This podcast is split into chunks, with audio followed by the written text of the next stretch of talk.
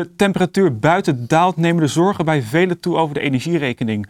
Wat kan de stad doen om ervoor te zorgen dat alle Amsterdammers deze winter doorkomen? Welkom bij het gesprek met de burgemeester.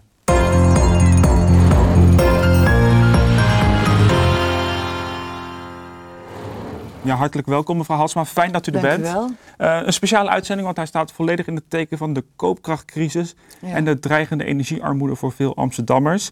Eh, we hebben deze week een oproep gedaan om vragen van Amsterdammers Ja, te krijgen. Ja. Eh, veel reacties gehad, daar gaan we zo naartoe. Maar eerst even algemeen. Eh, de koude maanden komen eraan. Ja. Hoe kijkt u daarnaar? Ik maak me grote zorgen over wat dat voor veel Amsterdammers betekent. Ik sprak Amsterdammers, ik sprak bijvoorbeeld ook ehm, de baas van de studiezalen eh, deze week, Abdelhamid Idrissi.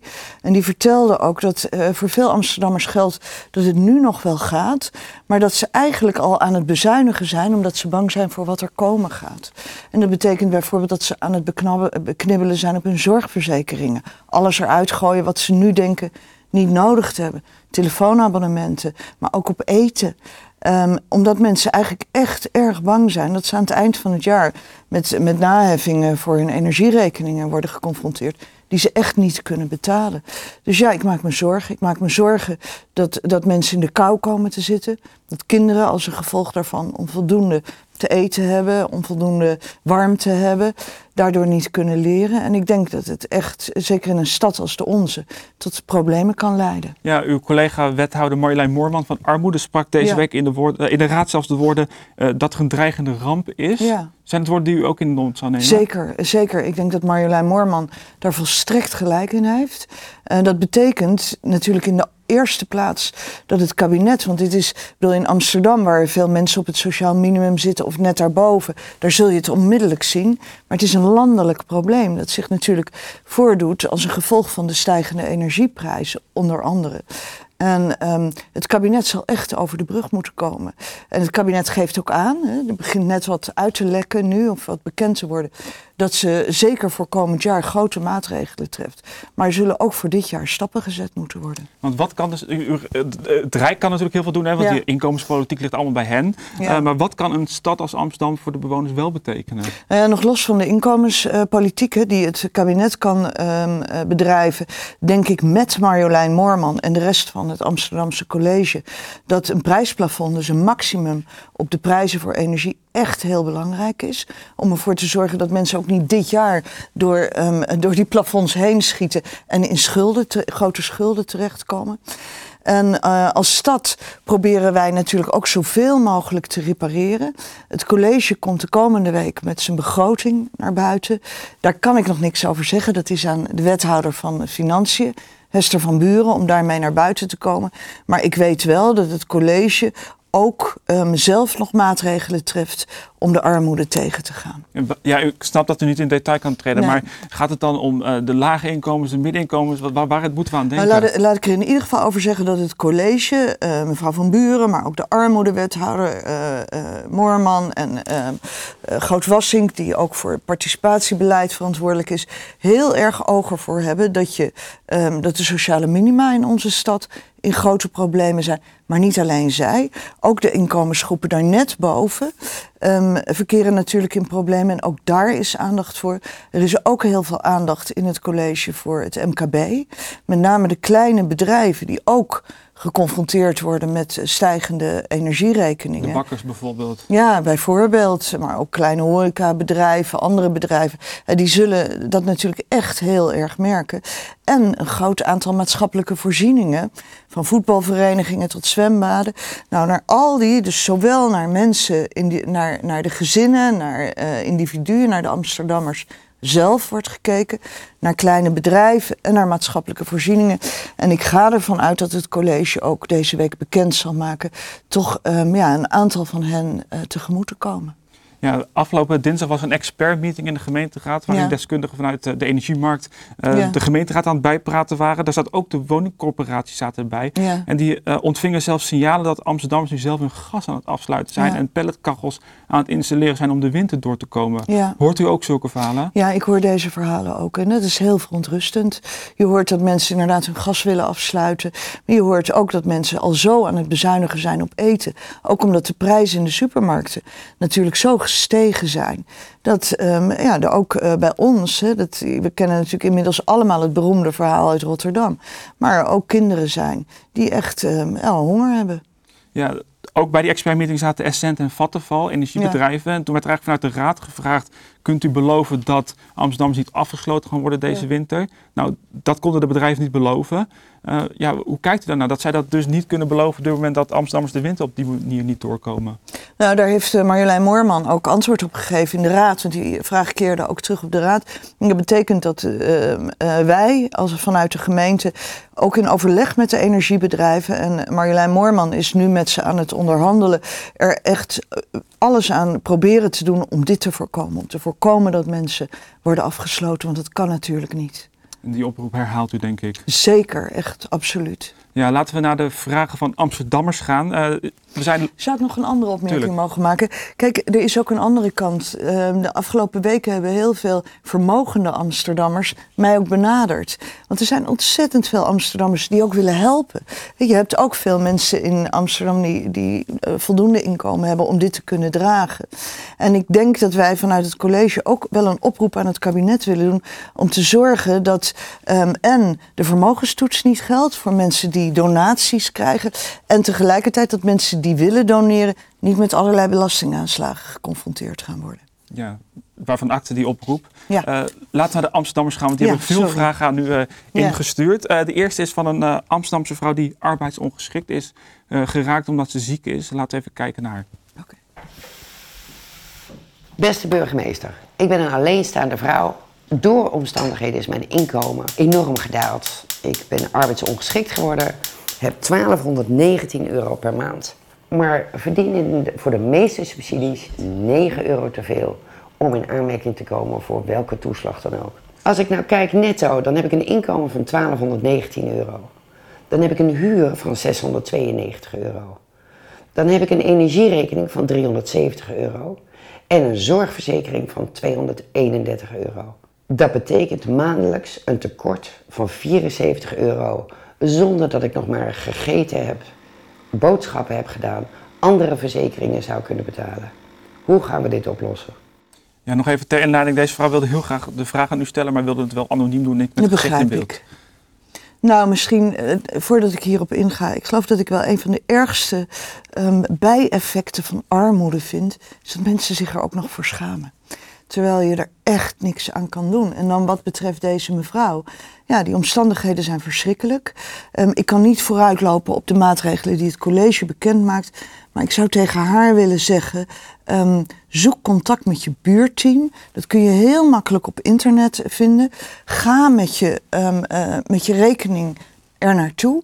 Wij zijn ons ervan bewust dat ook mensen die boven het sociaal minimum zitten en daardoor voor allerlei toeslagen niet in aanmerking komen, echt in grote problemen kunnen komen en er is maatwerk nodig. Dus ga naar je buurteam, leg ze uit wat je situatie is en vraag alsjeblieft um, um, uh, um, of ze rekening ermee willen houden. Lukt dat niet? Zoek contact met mij.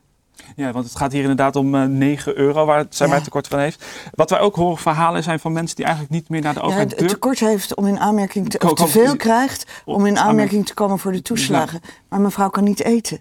En mevrouw kan geen kleren kopen. Dus dit is gewoon een, dit is gewoon een urgent probleem. Ja, de verhalen die ook te horen zijn, waren, was vandaag bijvoorbeeld nog op de radio van mensen die niet naar de overheid durven te stappen vanwege de toeslagenaffaire. Omdat ze zeggen van nou, als ik geld van ze krijg, komen ze dat dan achteraf terughalen. Zijn dat ook signalen die u hoort? Ja, dat hoor ik ook.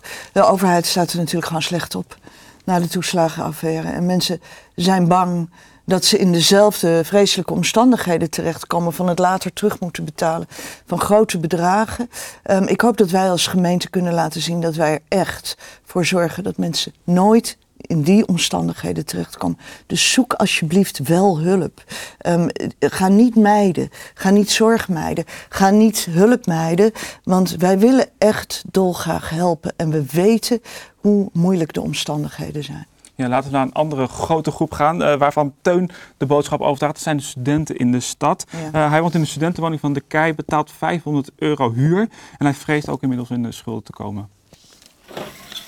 Beste burgemeester, ik ben benieuwd waarom studenten uitgesloten zijn van de energietoeslag. Studenten zijn kwetsbaar, hebben hoge uitgaven, Boodschappen zijn duurder geworden, studenten betalen enorm veel huur in Amsterdam. En tegelijkertijd worden ze niet gecompenseerd met een energietoeslag, die zij enorm hard nodig hebben. Ik ben benieuwd hoe u erover denkt. Ja, hoe denkt u daarover? Nou, ik zie met Teun uh, het probleem. Um, de studenten vallen natuurlijk onder landelijke regelingen. En het is onmogelijk om dat gemeentelijk te gaan compenseren of te corrigeren. Je krijgt ook hele rare verschillen dan tussen gemeentes. Ik wil me wel bij Teun aansluiten dat ook uh, het kabinet aandacht moet hebben voor de hele moeilijke situatie waarin de studenten terecht kunnen komen als zij buiten uh, alle regelingen zouden, zouden vallen. En dat zou dus een oproep zijn eigenlijk dat ze dus voor die energietoeslag bijvoorbeeld wel in aanmerking zouden moeten kunnen komen. Ja, dat lijkt mij wel. Ja, laten we naar een volgende vraag gaan. Die is van Art Blom. Uh, die lees ik aan u voor. Uh, op dit moment hanteert Amsterdam in tegenstelling tot andere gemeenten nog een vermogenstoets voor de energietoeslag. Ik las dat de gemeente overweegt deze voor de tweede betaling van 500 euro in december los te laten. Hoe staat het daarmee? Uh, ik ben ook in de veronderstelling dat die losgelaten wordt voor de tweede. Kijk, mensen hebben een eerste energietoeslag gekregen van 800 euro. Die is ook uitgekeerd en dan komt er nog een van 500 bij. Waarvoor, bij mijn weten, geen vermogenstoets geldt. Wat vindt u ervan dat die vermogenstoets in Amsterdam, toch een linkse stad, hè, toch wel wordt gehanteerd en in andere steden uh, nou ja, niet? Nou, ik weet van Marjolein Moorman um, dat ze dat echt ongelooflijk vervelend heeft gevonden. Het probleem in Amsterdam is natuurlijk, en dat uh, is dat um, je wil dat mensen die echt uh, het nodig hebben, ervoor in aanmerking komen. Maar er zit wel een grens aan het geld dat je hebt.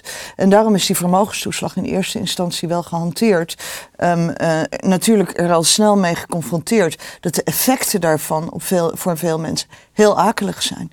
Maar um, het probleem voor Amsterdam is natuurlijk dat na corona uh, de publieke middelen in Amsterdam niet oneindig zijn. Wat niet wegneemt dat dit college, maar dat is natuurlijk aan Hester van Buren, de wethouder van Financiën deze week, dat dit college wel degelijk ook de armste eh, Amsterdammers en de Amsterdammers net boven het minimum um, tegemoet wil komen. En daar horen we dus volgende week meer over. Jazeker. Uh, laten we naar een vraag van Frits Vintju gaan. Uh, wat doet u zelf thuis met uw gezin om zo zuinig hm. mogelijk om te gaan met energie? Ik denk wat heel veel Amsterdamse gezinnen doen. Ik heb twee 18-jarigen thuis. En elke um, gezin weet dat dat niet um, in die leeftijdscategorie niet het meest zuinig is. Dus er worden ernstige gesprekken gevoerd, heel regelmatig. Kort douchen, um, geen verwarming aan, ramen open. Zorg dat je zuinig omgaat met, Amsterdam, met, met je energie. Niet lang de kraan open als je je tanden poetst. Dus dezelfde gesprekken als elk ander. Ja, deze week verscheen nog een column van oud-wethouder Geert Dales uit Amsterdam. Uh, waarin het gaat over een toeslag die u krijgt vanwege de energie en gas uh, op uw Amstwoning. Dat dat betaald wordt door de gemeente. Um, hoe heeft u die column gelezen? Nou, ik krijg geen toeslagen. Um, nee, de, de, de, gas en elektra worden betaald omdat u Amstwoning ja, boven... Dat, dat, nee, er, er is gewoon een wettelijke regeling die, uh, waar ik um, uh, aan moet voldoen. En die wettelijke regeling luidt dat ik 18% van mijn inkomen af moet staan uh, voor het wonen in de Amstwoning. En dat is inclusief gaslicht en water. En dat is waar hij naar verwijst. Um, ik, ik voldoe gewoon aan die wettelijke regeling. Wat niet wegneemt dat ik me wel heel goed realiseer dat ik daarmee tot de bevoorrechte mensen hoor in Amsterdam. Um, ik zet me enorm in voor mensen die um, niet in zulke fortuinlijke omstandigheden verkeren als ik. En als tweede, ik begrijp heel goed zo langzamerhand dat er wel eens een discussie kan zijn over ja, of zo'n ambtswoning eigenlijk niet uit de tijd is. Um, hij is niet energiezuinig, het is een oud gebouw. Um, wil je hem helemaal energiezuinig maken, moet je heel erg gaan investeren. En ik denk dat wij in Amsterdam vinden dat er belangrijker investeringen te doen zijn. Met name in mensen die het moeilijk hebben. En wat zou uw standpunt in die discussie dan zijn? Nou, dat is een discussie die de gemeenteraad, denk ik, en het college zou moeten voeren. Maar um, ik ben niet getrouwd met de ambtswoning. Laten we naar een uh, volgende video gaan. We zijn uh, een paar weken geleden bij uh, de openbare schoolgemeenschap Belmer langs geweest. Want ja. daar ging het over de zorg, ook over kinderen inderdaad. U haalde het ja. eerder al aan over dat ze geen uh, lunch meekrijgen of niet ontbijten. Mm -hmm. uh, vanwege de stijgende inflatie. Ja. Laten we even kijken naar de directeur uh, Marijse Knoop. Wat wij heel erg horen is dat uh, de vrijwillige ouderbijdrage, dat er steeds meer mensen zijn die dat niet kunnen opbrengen. Uh, wij hebben uh, veel kinderen die dan ook niet met een ontbijt naar school komen. En nou, daarin zien we het vooral. Maar ik vrees dat ze nou, bijna alle scholen hier eh, heel hard mee geconfronteerd gaan worden. En wat zijn daar dan uiteindelijk de gevolgen van voor leerlingen? Nou ja, wat je ziet uh, bij leerlingen is dat ze zich zorgen maken. Ze maken zich zorgen om hun ouders, ze maken zich zorgen om uh, nou, de situatie thuis. en vervolgens als je zonder ontbijt naar school komt, nou ja, dan kun je je ook voorstellen, op een lege maag is het veel lastiger leren. Ja, u zei het net al, u hoort deze signalen ook. Ja, ja um, kijk, de stad is natuurlijk bezig met de schoollunch. Um, om te kijken of we die kunnen introduceren. Maar daarmee heb je het probleem van het ontbijt nog niet verholpen. Um, ik weet dat ook daar door het college echt naar gekeken wordt. Of we daar iets aan kunnen doen, of we daar toch in kunnen ondersteunen. Um, ik hoor ook wat um, zij vertelt, uh, mevrouw Knook, over de zorgen die heel veel kinderen hebben over hun ouders. Je hoort ook bijvoorbeeld van jongeren op het MBO en jongeren op het HBO dat zij um, nou, bereid zijn om te stoppen met school, om te gaan werken, om bijvoorbeeld te voorkomen dat hun ouders schulden krijgen of een tussenjaar te nemen. Dus ja, die zorgen zijn allemaal heel groot. Eens te meer is het van groot belang dat er vanuit het Rijk inkomensmaatregelen worden getroffen die mensen op het minimum helpen en zo snel uh, mogelijk.